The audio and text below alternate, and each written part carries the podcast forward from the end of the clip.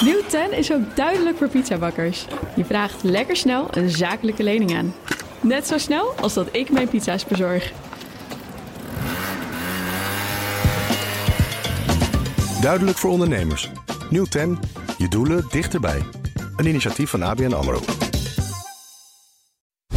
Cryptocast wordt mede mogelijk gemaakt door Bitfavo, de crypto-exchange van Nederland.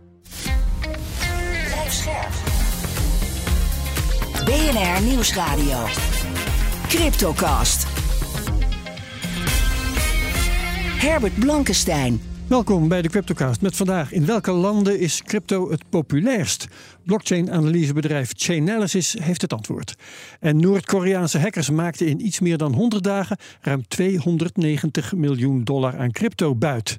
En toevallig is dit aflevering 290 van de Cryptocast met nu een half uur crypto nieuws op de radio. Met mijn co-host Daniel Mol, redacteur bij Cryptocast en BNR Digitaal. Hoi. Dag Herbert, hallo. Uh, wij geven geen beleggingsadvies. Vorm je eigen mening, maak je eigen keuzes en geef ons niet de schuld. Crypto kan lucratief zijn, maar is ook riskant. Ja, en het is een wereldwijd fenomeen, Daniel. Blijkt ook uit de Global Crypto Adoption Index van Chainalysis. Blockchain-analysebedrijf heeft een voorproefje van het rapport gepubliceerd, inclusief een ranglijst van de belangrijkste cryptolanden. Uh, waar is, Daniel, uh, op dit moment crypto het meest populair?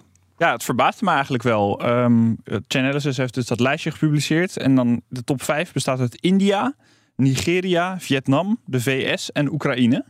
Kijk eens even aan. En dan de twee landen die daarna komen zijn de Filipijnen en Indonesië. Nou, wat dat mij... is dan ja, gecorrigeerd uh, naar welvaart en dat ja, soort dingen. koopkracht zeker. Maar wat mij, dan, wat mij dan opvalt is helemaal geen Europese Unie. Terwijl wij hier toch altijd wel in Nederland bijvoorbeeld onszelf op de borst slaan van... joh, we hebben zoveel crypto gebruikers en zoveel, we zijn zo ver hiermee al. Ja. Valt dus best wel tegen. Überhaupt één westers land in de top 5, in de top 7, de VS.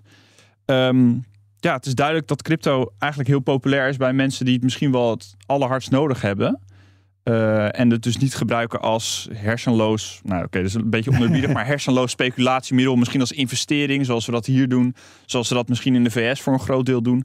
Maar dat het gewoon daar decentraal geld is, uh, als ik het dan over bitcoin heb. En dat werkt dan misschien wel beter dan een eigen munt, bijvoorbeeld in Nigeria. Nou, en dat is dan vind ik, vind ik een heel interessante, ja. eigenlijk een heel interessante ja, constatering. Dat is het zeker. Um, en wat ook interessant is, dat is die plek van India. Want vorige week zeiden we nog tegen elkaar, uh, ja, India heeft nog niet echt een duidelijke koers wat crypto betreft. Maar uh, als je even het regeringsbeleid overslaat, dan is het misschien wel duidelijk.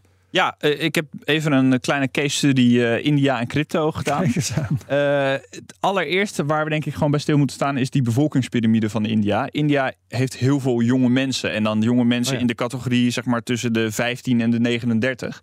Dat zijn bij uitstek de mensen die in crypto kunnen en willen investeren. Ja. Het is een beste een tech-savvy bevolking. de internet is daar echt opkomend. Het, dus überhaupt de economie is aan het groeien. Daardoor is er meer ruimte om bijvoorbeeld ook eens als ondernemer naar te gaan denken: joh, wat zijn nou de technologieën van de toekomst? Waar wil ik mee bezig zijn? Dat is in veel gevallen crypto. Dat, dat is ook echt zo. Um, en uh, eigenlijk, India is er met, met die Gen Z en die millennial populatie gewoon. Zijn er ook heel veel mensen. En is gewoon die groeiende markt. Dat, dat is dus echt waarom crypto zo populair is. Dat is, ja, ja. vind ik interessant. Ja, en hoe heeft Chainalysis dit allemaal gemeten? Kun je daar wat over zeggen? Ze hebben allerlei um, een meetmethode opgezet met allerlei on-chain en off-chain um, uh, handelsvolumes. Dus bijvoorbeeld, uh, nou eigenlijk vooral on-chain. Um, de exchange volume bij exchanges, volume op DeFi-protocollen en dat gecorrigeerd voor de koopkracht. Dat is wel belangrijk dat je het zegt, want een euro ja. in Nigeria is anders dan een euro in Nederland. Precies. Um, en op basis van ieder van die, van, die, van die metingen, het zijn er een stuk of zes, hebben ze een score toegekend. En op basis daarvan is er een index uitkomen rollen waar India dus op één staat. Uh, en Nigeria op twee, et cetera. Ja, en wat zeg je dan als je het allemaal overziet? Um, wat betekent dit voor de crypto-adoptie wereldwijd? Um, nou, eigenlijk het meest opvallende hieraan vond ik... je kan er een heel duidelijk overkoepelend thema in zien. En dat ziet Chainalysis ook. En dat is dat crypto eigenlijk het meest populair is in uh, inkomens... landen met laag middeninkomen noemen ze dat dan. En dat zijn dus landen bijvoorbeeld zoals Nigeria, als India, Indonesië, de Filipijnen. Dat zijn dat soort landen. Um, en dat zijn dus opkomende economieën, relatief ja. jonge bevolking. En uh, vaak wordt er dan van gezegd dat zijn dus de economieën van de toekomst. Dat, Ja, dat ja. zeggen we ook al lang tegen elkaar, bijvoorbeeld over India. En dat is dus ook echt de landen waar crypto heel erg in trek is. En dat, dat is wel, vind ik, een interessante. interessante Ja, maar dat betekent ook wel iets voor de toekomst dus. Het is een, een belofte om zo te zeggen. Ja, en de, de vraag is natuurlijk of, of dat volhoudt. En eh, eh, of bijvoorbeeld eh, dat, dat er een regering zoals in India niet gekke bokkensprongen gaat maken.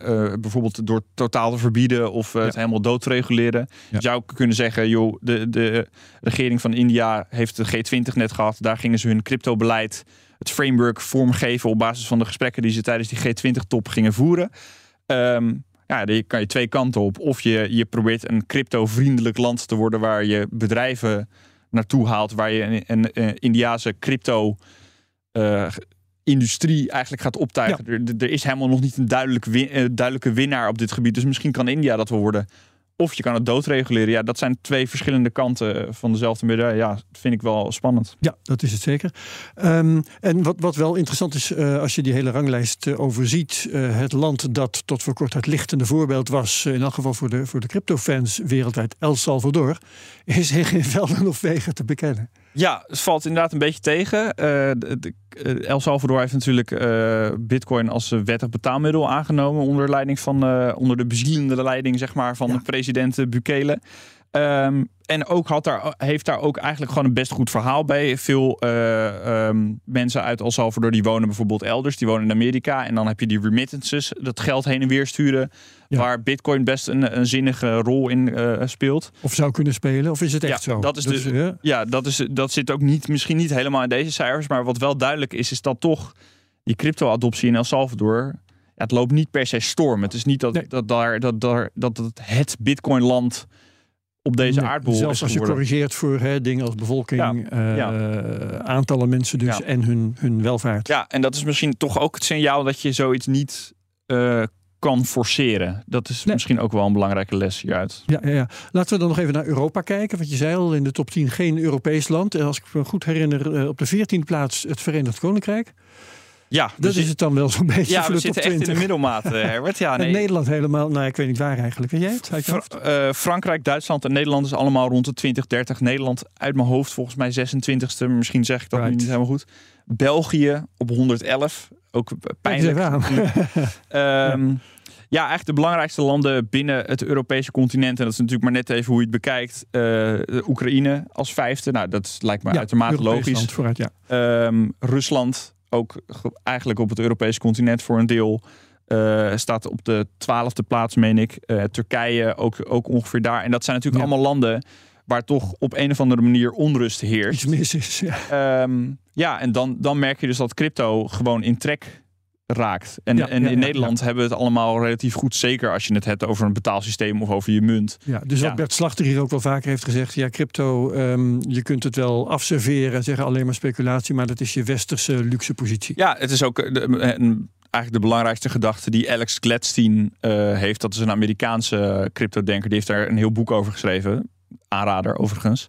Ehm, en dat is eigenlijk puur, puur de gedachte dat Bitcoin niet inderdaad het speculatie, de investeringsmiddel is. Maar voor heel veel mensen is het gewoon misschien wel noodzaak. En dat is toch interessant. Ja. Ja, ja nou, eh, Bert Slachter is genoemd. Laten we hem even gaan raadplegen. Analist bij kennisplatform Bitcoin Alpha. Hallo Bert, Dag Herbert, goedemorgen. je bent er. Eh, de week was positief voor Bitcoin, maar eh, gisteren was het positiever dan vandaag. Want nou, gisteren ging het omhoog, meteen weer omlaag.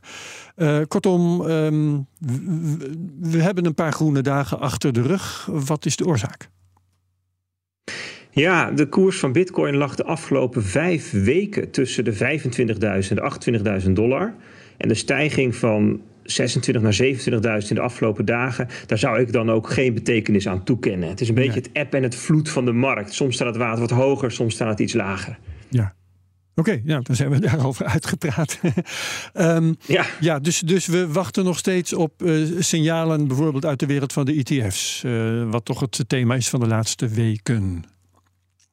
Ja, dat is wel een goede vraag. Waar wachten we nou eigenlijk op? Hè? Hoe, wat gebeurt er nou eigenlijk in die markt? In, wat kunnen we nou verwachten in de komende maanden? Hè? En um, ik denk op een lange termijn is de feitelijke adoptie leidend. Waarbij mensen uit zichzelf besluiten om bitcoin en cryptodollars te gaan gebruiken. Om te sparen, te betalen en te handelen. Dat is de onderliggende trend die bitcoin van 100 naar 1000 naar 10.000 dollar bracht. Ja. En daar hadden we het net ook even over. Hè? Over de analyse van Chainalysis. En daar zie je dus, waar zij het over hebben, is wat zij in, in beeld willen brengen, is grassroots adoption. Mensen, burgers die uit zichzelf besluiten om het te gaan gebruiken. Ja. En dan bedoel jij anders dan verwachtingen? Ja, inderdaad, omdat ze er wat aan hebben. Dat is namelijk zeker in de landen waar je het net over had, hè, die lower middle income landen, daar doen mensen het niet per se uit speculatie. En dat is ook wat zij meten. Ze kijken echt naar soorten gebruik, betalen, sparen, handelen. En um, dus ook DeFi zit daar een rol. Dat kan overigens een verklaring zijn waardoor, waarvoor uh, El Salvador niet zo hoog staat. Het is natuurlijk alleen maar Bitcoin. En je ziet zeker in Azië dat er ook heel veel DeFi is en, game, en games die dingen met blockchain doen. Maar het is heel opvallend, vind ik, dat in die die feitelijke adoptie dat, het, dat niet, de niet-westerse wereld leidend is. Nou, Chainalysis liet dat net zien, maar ook als je kijkt waar er geïnvesteerd wordt, waar de overheid voor goede regels zorgt, duidelijke regels, de plaatsen waar de grootste cryptoconferenties zijn, dat is niet in de westerse wereld. En zelfs het rapport wat een tijdje terug uitkwam over waar programmeurs, de hoeveelheid programmeurs het hardst groeit, dat is Azië, Afrika en Latijns-Amerika. En niet Europa en, en de VS. dus, dus die feitelijke adoptie, dat zien we daar. Maar dat is een heel langzaam en rustig proces van jaren. Ja. Wat gaat dan de komende maanden voor beweging zorgen? Ja, dan moet je inderdaad, zoals jij net zei, kijken naar een schok, zoals een Bitcoin-ETF. Dat is een van de mogelijke uh, impulsen. Ja, um, en uh, dan heb je het over feitelijke adoptie. Dat is wel grappig, want de afgelopen week las ik in, in de Bitcoin Alpha uh, dat de grootste groei qua feitelijke adoptie zit uh, vooral in de stablecoins en niet zozeer in bijvoorbeeld Bitcoin. Ja, klopt. Absoluut. Dus dat is, dat is denk ik een, um, ja, een soort observatie of conclusie die we nu aan het trekken zijn. Dat als je kijkt naar de afgelopen jaren, dat zeker in de laatste twee jaar daar de meeste groei zit. En wat een klein beetje zand in de ogen heeft gestrooid, is dat als je kijkt naar de hoeveelheid stablecoins of crypto-dollars die er is, dan stopte de groei daarvan in 2021, eind 2021 op 160 miljard. En daarna daalt het wat. Dan zou je zeggen, hé, hey, dat is vooral meegegroeid met de cryptomarkt en nu krimpt het wat mee. Mhm. Maar als je gaat kijken naar transacties, actievolume, dan zie je een heel ander plaatje. Dus diezelfde hoeveelheid cryptodollars, die worden steeds meer en steeds intensiever gebruikt voor, voor transacties. Um, en, en, steeds minder als handelspaar op, op, op cryptobeurzen. En dan zie je dat op dit moment 70% van het handelsvolume, van het transactievolume in de cryptomarkt van stablecoins komt. Dus cryptodollars. Ja. Um, Oké, uh, dan gaan we nog even kijken naar de rente. De Europese Bank heeft de rente voor de tiende keer verhoogd naar 4 procent. Uh, evengoed uh, wil de inflatie nog niet echt zakken. in de Verenigde Staten is de rente een stuk hoger. De inflatie daalt daar wel. Wat zijn dan de belangrijkste verschillen tussen VS en Europa? Ja, dat is dus. Verschillen um, zijn subtiel. Kijk, de overeenkomsten zijn, zijn duidelijker. Dus je hebt um, in beide uh, zeg maar gebieden, um, valutagebieden, zitten we aan het einde van de verhogingscyclus van de rente. Hè? Dus in Europa zijn we vrijwel zeker klaar. Dat heeft Christine Lagarde gezegd. Tot hier zijn we en nu gaat het vanzelf, gaat de inflatie vanzelf omlaag komen. Ik ben overigens, het is mij een raadsel waar, hoe, waar Christine Lagarde het zelfvertrouwen vandaan haalt om dat zo beslist te zeggen. Want ze heeft een aantal keer vreselijk misgehad de afgelopen jaren. Um, maar goed, in, ook, ook in de VS lijken we echt aan het einde te komen van die verhogingencyclus. Een verschil is dat in Europa de rente in de eurozone, de, de, de sorry, dat, dat in de eurozone de inflatie nog 5,3% is. Ja. En dat de vooruitzichten eigenlijk niet per se heel goed zijn. De energie die stijgt weer, de olieprijs stijgt. Um, allerlei landen komen met allerlei steunpakkettingen, kortingen, subsidies, tegemoetkomingen, stimuleringen. Dus dat is allemaal weer ook de inflatie verhogend. Dus ik moet maar zien hoe goed die inflatie hier naar beneden komt. En in Europa zijn er veel meer voortekenen van verdere nou ja, zeg maar negatieve effecten op de economie. In de VS komt de inflatie veel beter al naar beneden. Hè. De, de kerninflatie, als je de afgelopen drie maanden zou pakken en dat zou extrapoleren naar een jaar, dan zitten ze daar op 2,4 procent.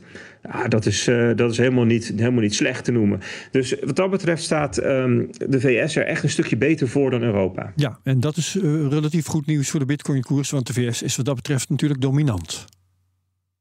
Ja, absoluut. Dus de, zeg maar, de Verenigde Staten heeft met zo'n grote afstand de grootste financiële markt in de wereld.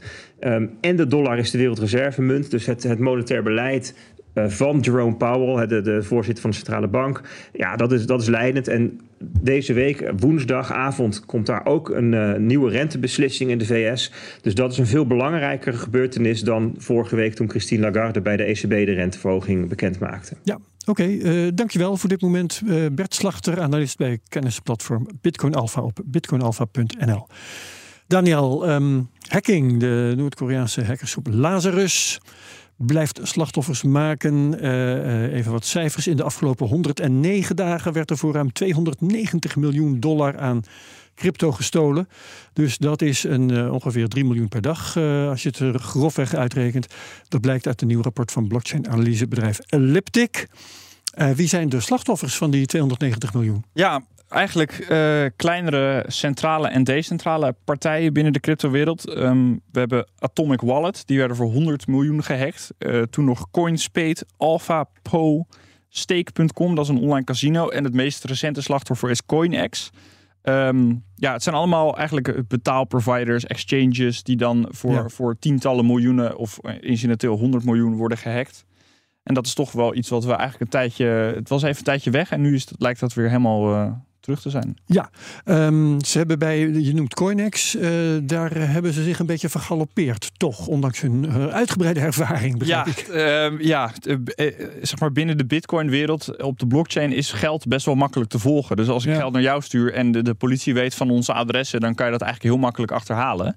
Um, nou ja, de, de adressen die de Lazarus Groep uh, heeft gebruikt, bijvoorbeeld voor de hack van Stake.com, die was bekend. Want we hebben die kunnen, kunnen linken aan die Noord-Koreaanse groep. Ja. En toen zij Coinex ging hacken, toen hebben ze dat geld van, van Coinex, wat ze gestolen hadden van dat Coinex, gestuurd naar hetzelfde adres als waar het geld van Stake.com naartoe ging.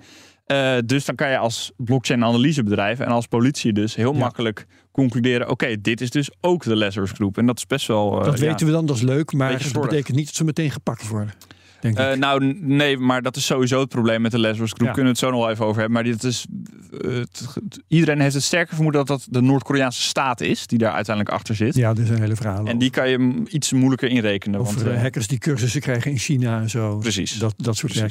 Ja, um, maar deze club heeft vorig jaar um, Axie Infinity gehackt. Het, het Ronin Network. Dat was ongeveer 600 miljoen dollar. Ja. Als je het afzet tegen dat getal dan zijn ze nog vrij rustig dit jaar. Ja, maar dat was dan wel echt een spectaculaire hack. En ook ja. op, de, op het hoogtepunt van de markt zo ongeveer, uh, als ik het me goed kan herinneren.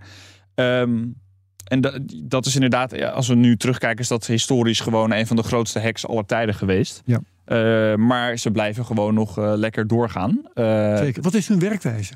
Um, ja, dat is interessant. De, de, voorheen kozen ze dus heel veel DeFi-protocollen als, als doelwit. Uh, het belangrijkste voorbeeld is die Axie Infinity uh, game. Ja. Waar dus gewoon kwetsbaarheden in zitten. Uh, die ze dan uitpluizen en, en dan heel veel geld daar kunnen weghalen. De laatste tijd is DeFi ook wat minder populair geworden. En kiezen ze toch weer voor centrale exchanges en bedrijven. En dan gaat het dus ook de werkwijze verschuift van bugs en gaatjes zoeken in, in de software. Naar gewoon weer oldschool social engineering. Dus ja, dat werkt daar het beste. Ja, uh. De, de, Elliptic geeft als voorbeeld een, een nep LinkedIn profiel. Uh, met een linkje waar mensen dus dan op klikken. Bijvoorbeeld medewerkers van een bedrijf. En die dan geïnfecteerde software binnenhalen. En dat je zo dat hele bedrijf uh, binnenste ja. buiten kan Ik las iets over hun geschiedenis. En um, als je verder terugkijkt, dan deden ze gewoon banken. Uh, dat blijkbaar is voor hun nu meer te halen in die cryptowereld. Uh, is dat de, de onvolwassenheid van de cryptowereld of waar moet ik aan denken? Um, nou ja, wij hebben natuurlijk ook bijvoorbeeld in de Technoloog, een podcast die jij maakt, hebben we het ook wel eens gehad over ransomware. Ja. Banken zijn nu wel echt op het punt gekomen dat zij heel goed beschermd zijn tegen dingen ja. als ransomware, uh, cyberaanvallen, et cetera. Um, die Noord-Koreaanse hackersgroep, die kennen we natuurlijk bijvoorbeeld van de grote Sony-hack in 2014, van de uh, WannaCry ransomware in 2017. Dat kwam toen echt groot in het nieuws. Maar langzaam inderdaad, dat zeg je goed, zijn ze richting crypto gegaan. Ik denk gewoon omdat dat nog steeds een cowboywereld is, onerbiedig gezegd, waar heel veel decentrale protocollen, kleinere centrale bedrijfjes bij elkaar bestaan en dat er toch heel veel geld in omgaat. Ook gewoon omdat munten heel veel meer waard zijn geworden. Als jij vroeger 1000 Ethereum had, was dat niet zo bijzonder. Als jij nu 1000 Ethereum hebt, dan ben je gewoon een serieus doelwit. Kapitalisatie is gewoon. Precies. Ja, ja, ja, in die zin Ja. zijn er meer dollars. Ja.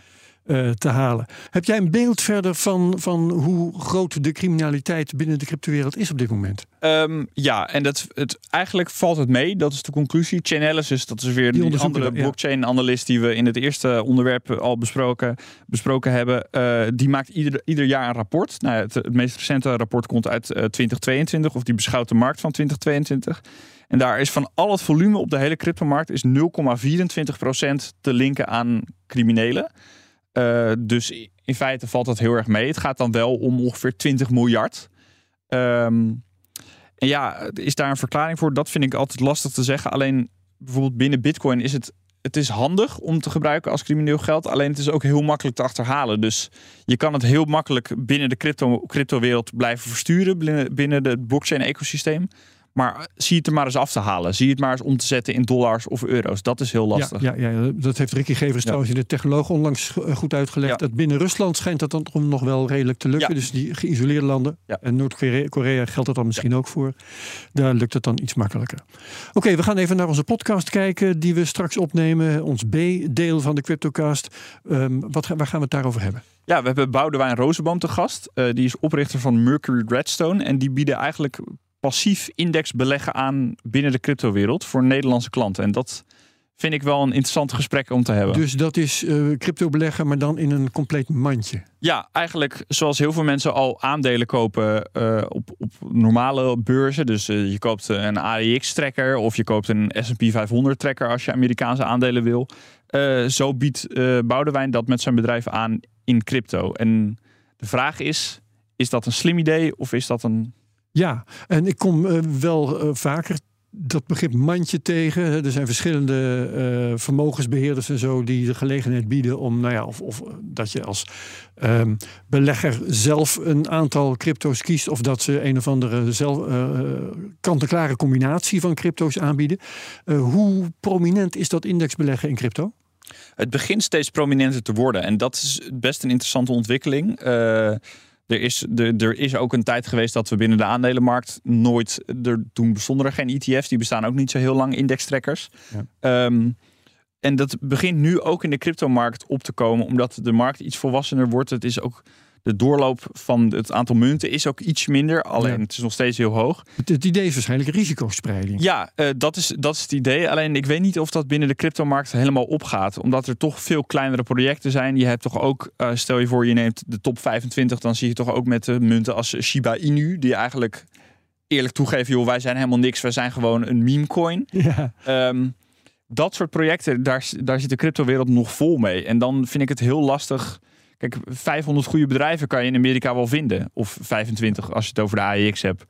Ehm, maar in de cryptowereld vind ik dat, vind ik dat gewoon een heel lastig, eh, lastig punt. En daar, Eigenlijk zeg jij, zeg jij er, eh, er zijn wel voordelen, misschien een beetje risicospreiding, maar er staan ook risico's tegenover. Ja, en het flauwe is, als je de historisch kijkt, dan had je eigenlijk altijd gewoon beter Bitcoin kunnen hebben. En misschien Ja. een beetje Ethereum. En dan verder eigenlijk niet. En dat, ja, de vraag is, hoeveel spreid je nou eigenlijk echt? Hoeveel risico eh, vlak je nou eigenlijk uit door, door zo erg te spreiden? Nou, dat is een Ja. gesprek dat we in de podcast eh, gaan hebben. Dat gaan we voorleggen aan Boudewijn Rozenboom van Mercury Redstone. Tot zover de Cryptocast op BNR. Bedankt Daniel Mol als mijn co-host. Wie meegaat naar de podcast, heel graag. Lukt dat niet, dan is het ook prima. Dan zien we je heel graag de volgende keer terug bij de Cryptocast op BNR. Dag.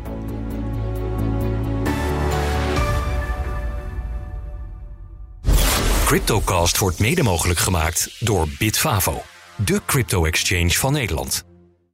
Nieuw 10 is ook duidelijk voor pizzabakkers. Je vraagt lekker snel een zakelijke lening aan. Net zo snel als dat ik mijn pizza's bezorg. Duidelijk voor ondernemers. Nieuw 10, je doelen dichterbij. Een initiatief van ABN AMRO.